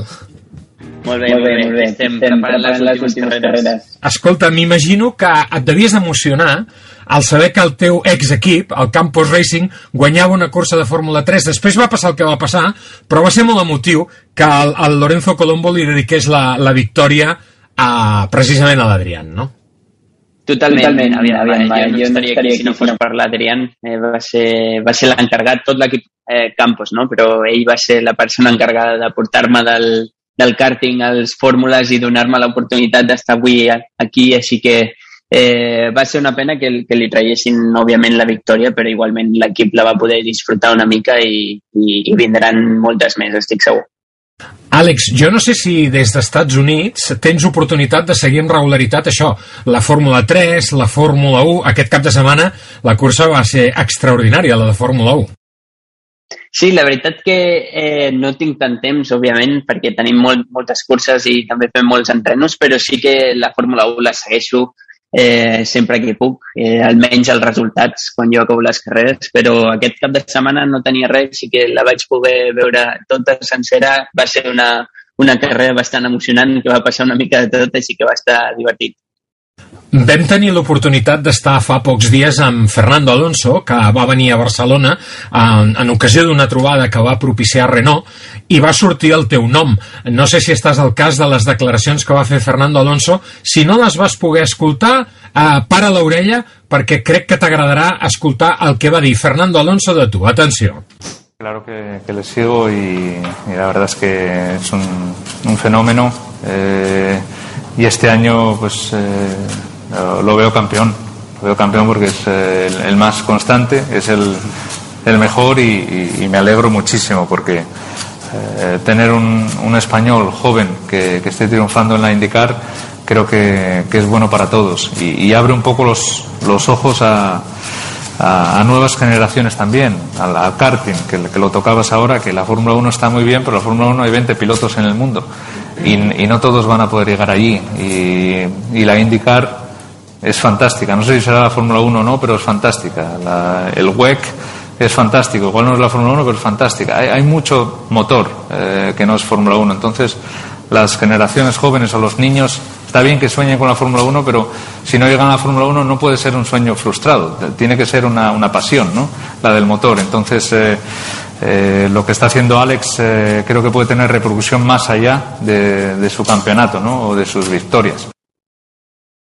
Què et sembla, Àlex? Que bonic, no? Uh, que algú com Fernando Alonso et dediqui aquestes paraules i que faci aquestes reflexions. Eh, sí, està clar. Sempre, sempre bones paraules sempre són benvingudes i a més si són del, del Fernando, però bueno, jo crec que té un, una mica de raó, no? Eh, segurament, a part de lo que de lo bo que sigui per mi estar, estar davant i tant pel campionat de, de la IndyCar, eh, crec que és molt bo que, que els joves puguin veure que hi ha, hi ha altres camins. Jo vaig tenir la sort de tenir l'Oriol Servià, que, que ell estava aquí als Estats Units, a la IndyCar, i, i si no hagués sigut per ell, jo suposo que no hagués tingut tanta visió no, de la IndyCar, però al veure que hi havia un català eh, corrent a la IndyCar i ho estava fent molt bé als Estats Units, eh, va ser com, ah, mira, eh, també tinc oportunitats no, d'anar a la IndyCar, així que eh, jo crec que servirà, servirà que hi hagi joves que que vegin que, òbviament, que aquest esport no és només la Fórmula 1 i que tu pots passar molt bé i, i, i seguir vivint de, de, de ser pilot.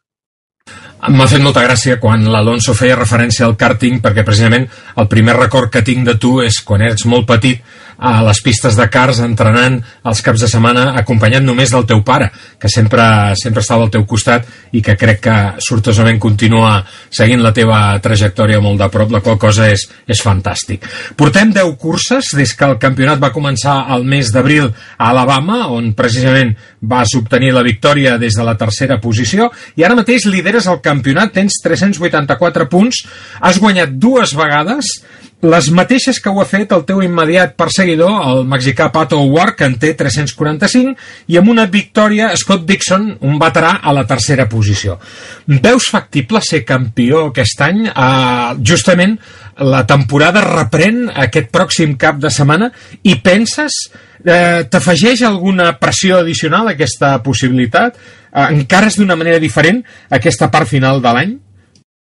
Eh, possibilitats, home, clar que sí, no? Anem primers, hem fet ja 10 carreres, només queden 6, així que possibilitats hi ha i, i només depèn de nosaltres, jo crec. Tenim un bon cotxe, hem estat a davant a quasi totes les carreres, així que si seguim fent eh, el treball que hem fet fins ara, eh, podrem estar lluitant fins a l'última volta de, del campionat. I després, eh, el tema de pressió jo crec que és una mica al revés, no? Quan, quan tot va bé hi ha una mica menys de pressió.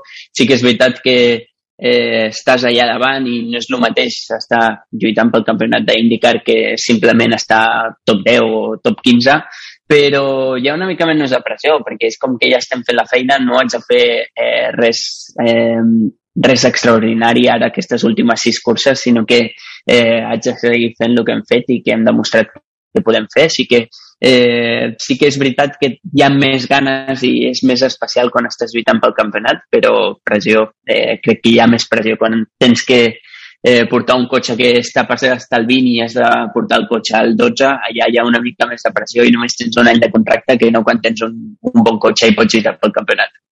Escolta, fes un balanç de, del que ens ha donat de si la temporada fins ara, amb sis podis, crec que portes, amb... et pensaves que estaries això liderant el campionat, per molt que haguessis entrat al millor equip de la graella, probablement? Eh, aviam, confiança de que es podia fer en tenia molta, però pensava que estaríem aquí a aquest punt, potser el no, perquè jo crec que fer sis podis amb, amb 10 carreres són, són molts podis. Eh, crec que hem sigut molt, molt regulars, hem guanyat dues carreres i hem estat, eh, les, totes les que hem fet podis, hem estat lluitant per la carrera, hem estat allà davant. Així que Eh, jo crec que ho hem fet molt, molt bé. Sí que és veritat que el cotxe acompanya, però jo crec que també el tenir Scott Dixon, el meu company d'equip, eh, una persona que ha guanyat sis campionats a la IndyCar i que eh, en sap tant i sap sobretot ser molt constant, doncs m'ha ajudat molt aquest any, però eh, bueno, ho hem fet bé, però no vol dir que ara em pugui relaxar i dir, bueno, ho he fet millor que el que pensava i el que podria haver fet, així que, bueno, ja he fet la feina, sinó que és al revés. Tenim una oportunitat que, que potser ha vingut una mica més d'hora de lo pensat, així que eh, l'aprofitarem i intentarem anar pel campionat. Ara imagina que se t'apareix el geni de la llàntia i et fa un tracte, no? I et diu, Àlex, et proposo canviar el títol d'aquest any per la victòria que es va escapar per tan poc de les 500 milles d'Indianàpolis. Ja, deal o no? No, no, no, no, no, no no per res.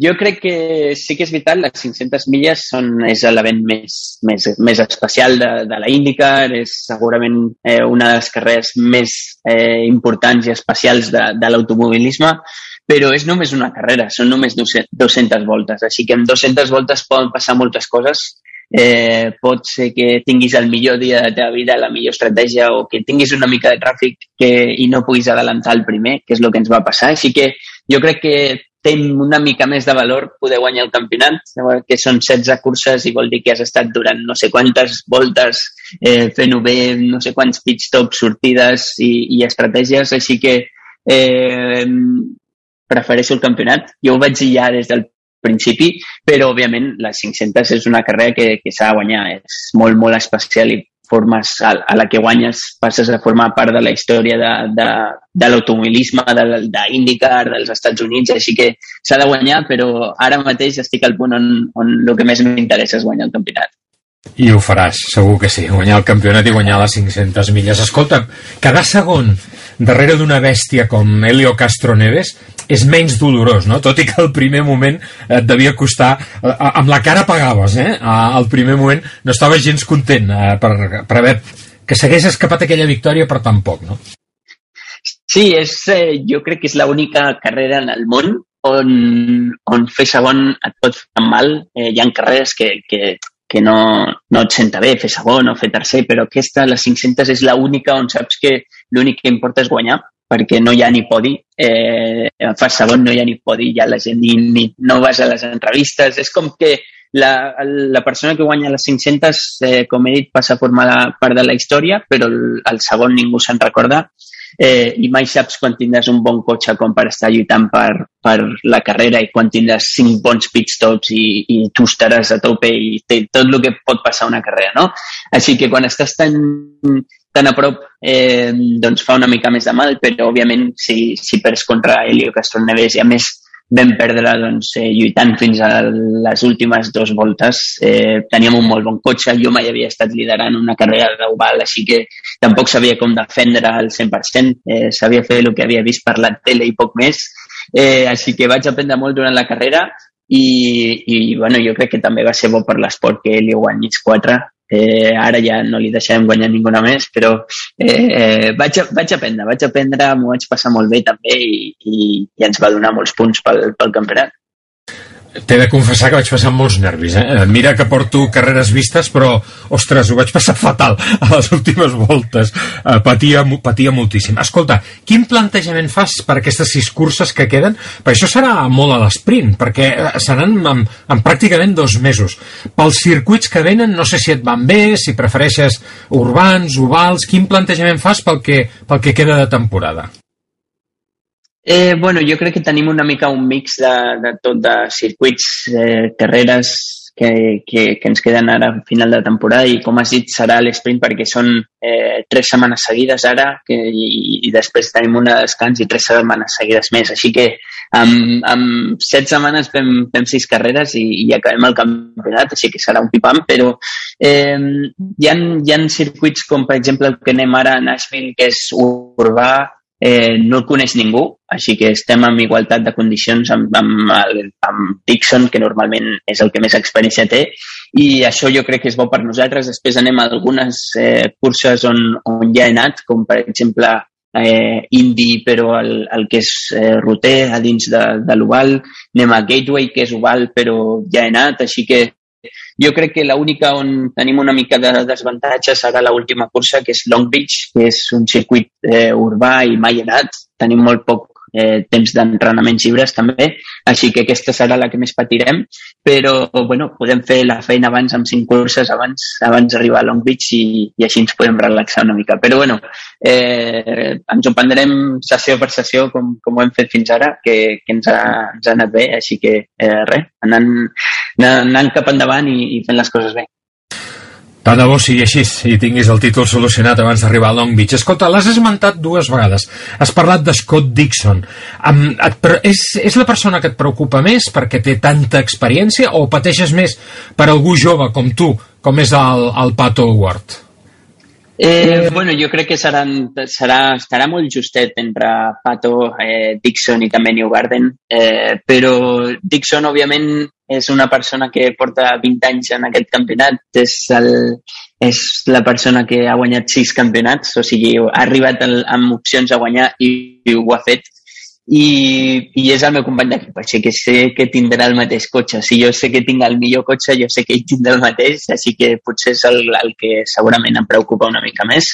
Eh, però, però bueno, eh, encara, encara l'avantatge també és que està dintre de l'equip, puc veure tot el que fa, puc puc, si ell pot estar primer, doncs nosaltres també i, i el mateix per ell, no? Però jo crec que serà, serà interessant veure'ns lluitar cos a cos. Hi ha hagut un pilot que aquest any a mi m'ha cridat bastant l'atenció, no? que és el Rinus Bekai. Um, què en penses d'aquest pilot, de la campanya que està fent i què passa aquest any amb els pilots holandesos? Uh, perquè mira Verstappen, mira aquí Bekai...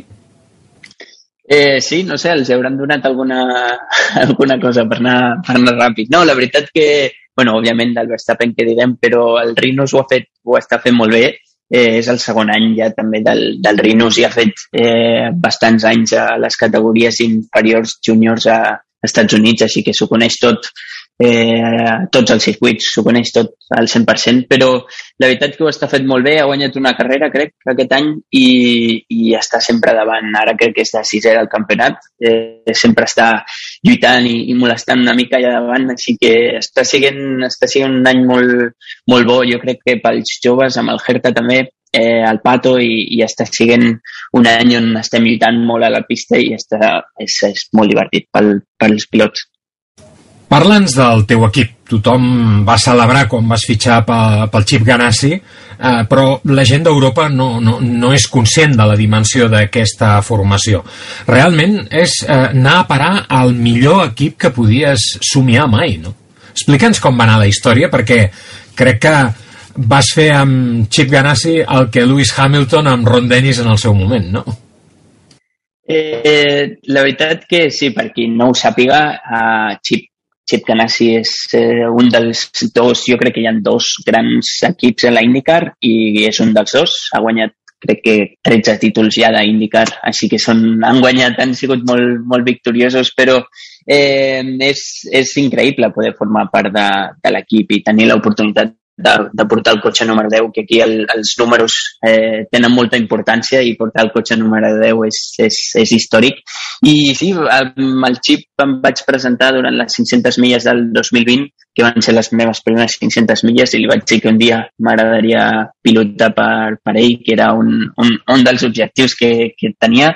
I a partir d'allà doncs, vam, vam començar a parlar, jo vaig intentar fer el millor que vaig poder eh, el meu any de rookie amb, amb, amb algunes amb, amb pocs entrenaments i, i tot el que va passar l'any passat amb el coronavirus, però eh, a partir d'aquella carrera vam començar a parlar, vam estar en contacte i, i ens va donar l'oportunitat de, de, de formar part del seu equip avui en dia. Portes ja dos anys eh, a la Indy, eh, abans eh, vas estar al Japó, queda molt lluny ja l'època de Sant Antoni de Vilamajor. Eh, T'estàs convertint en un ciutadà del món, no? D'alguna manera. Eh, quin record guardes de l'època japonesa i què t'ha servit d'aquella època que estiguis aplicant actualment aquí a la IndyCar? Si és que hi ha alguna cosa que t'hagi servit, clar. La veritat que sí, que hem anat una mica corrent per, per tot el món. Eh, vam començar a Europa, òbviament, i després he estat durant dos anys al Japó, que eh, jo ja pensava que potser ens, ens quedaríem allà al Japó, que està molt bé, tenen eh, uns campionats eh, espectaculars i tu passes molt bé, moltes carreres, però el meu somni estava aquí, a la IndyCar, als Estats Units, i, i fer tantes carreres tan diferents. Així que eh, ho, ho vam aconseguir, però del Japó jo crec que a part de professionalment tot el que vaig aprendre, que òbviament aprèn sempre treballant amb, amb persones diferents i, i, i amb cultures diferents, però vaig aprendre més eh, a nivell personal al, a l'estar allà al Japó durant tant de temps i, i aprendre com aprendre eh, parts de la cultura japonesa que, que són, la veritat que és espectacular, no? És un canvi molt radical eh, a, a la nostra cultura i, i jo crec que a totes les cultures, però eh, t'ajuda un munt, aprens moltes coses bones, hi ha, òbviament hi ha altres que, que potser no, no són el nostre estil de vida, però eh, m'ho vaig passar molt bé i vaig aprendre molt. Escolta, um, com et planteges el futur? O hi penses ara en el futur? El, el títol que puguis aconseguir a la, a la Indy condicionarà aquest futur? Tu què creus? O no hi penses encara amb això? La veritat no hi penso molt. Jo crec que eh, el bo és que tinc, tinc més d'un any de contracte amb, amb Xip, així que estic, no haig de pensar en, en el que passarà si guanyo el campionat o si no guanyo. Eh, jo crec que estaré al mateix lloc i, i sí que òbviament si guanyes el campionat saps que ja eh, tindràs una mica més de, eh, de reconeixement eh, durant jo crec que tota la vida. Eh, quan ja ets campió ets campió. Sí que eh, hem d'anar per ell però el, el meu futur el veig aquí. Eh, l'Scott Dixon ha estat durant 20 anys a, a Chip Ganassi i a la IndyCar i guanyant eh, seria algo molt, molt, molt especial poder, poder formar part eh, d'algú semblant. Eh, 20 anys són molts, 6 títols són molts, però bueno, si, si es pot eh, i ens donen l'oportunitat anirem a per ell. Eh, però, però bueno, sí, el veig aquí, el meu futur el veig aquí i, i molt content que sí. I per tant no penses en la Fórmula 1 en cap cas? No forma part dels teus objectius a mitjà termini? Ni a mitjà, ni a llarg, ni a curt. Eh, la veritat que no, la Fórmula 1 està, està molt bé, és el, el campionat eh, estrella de, de, de l'automobilisme, però jo crec que és un, una mica més estrella mediàtica i estrella tecnològica, on, on totes les marques posen el 100% de l'enginyeria i tecnologia que, que hi ha fins al moment i després els pilots sí, fan, fan una mica de feina, eh, estan allà davant, però si et donen un cotxe que no, no funciona, doncs no funciona i estàs al 15, al 17 o al 22 com el Russell i en canvi et donen un bon cotxe i de cop i volta estàs primer o segon com el Russell eh, en un cap de setmana que va fer. No? En una sessió ja va passar d'estar al 20 a estar primer. Llavors, està bé que sortis tot el dia per la tele eh, i és el que et dona no, la Fórmula 1, però, però a mi com a pilot el que m'agrada és, és guanyar carreres, lluitar per les carreres, anar un cap de setmana i saber que, que puc estar davant i puc competir, així que això és el que et dona la IndyCar i, i no et dona la Fórmula 1. Verstappen o Hamilton? Aquí m'has tocat, aquí m'has tocat perquè la veritat que Hamilton ha sigut la persona, el pilot que jo més he empujat per ell. Eh, crec que les coses que fa és espectacular i poder guanyar durant eh, tant de temps és, és increïble, encara que tingui el, el millor cotxe, és veritat, però sempre, sempre ha guanyat els companys d'equip i això no és fàcil però després tinc a, a Verstappen, que ha sigut company d'equip meu al karting i és eh, una mica el canvi no? que, que també fa falta i la personalitat i com condueix m'agrada molt. Així que jo crec que ara mateix m'agradaria que eh, guanyés Verstappen, fa, fa falta un canvi, canvi però, però també m'agrada. Amb el cotxe que, que tens tu ara, aquest any, amb, amb aquest motor Honda, amb, Fernando Alonso hauria guanyat aquelles 500 milles d'Indianàpolis, les seves primeres?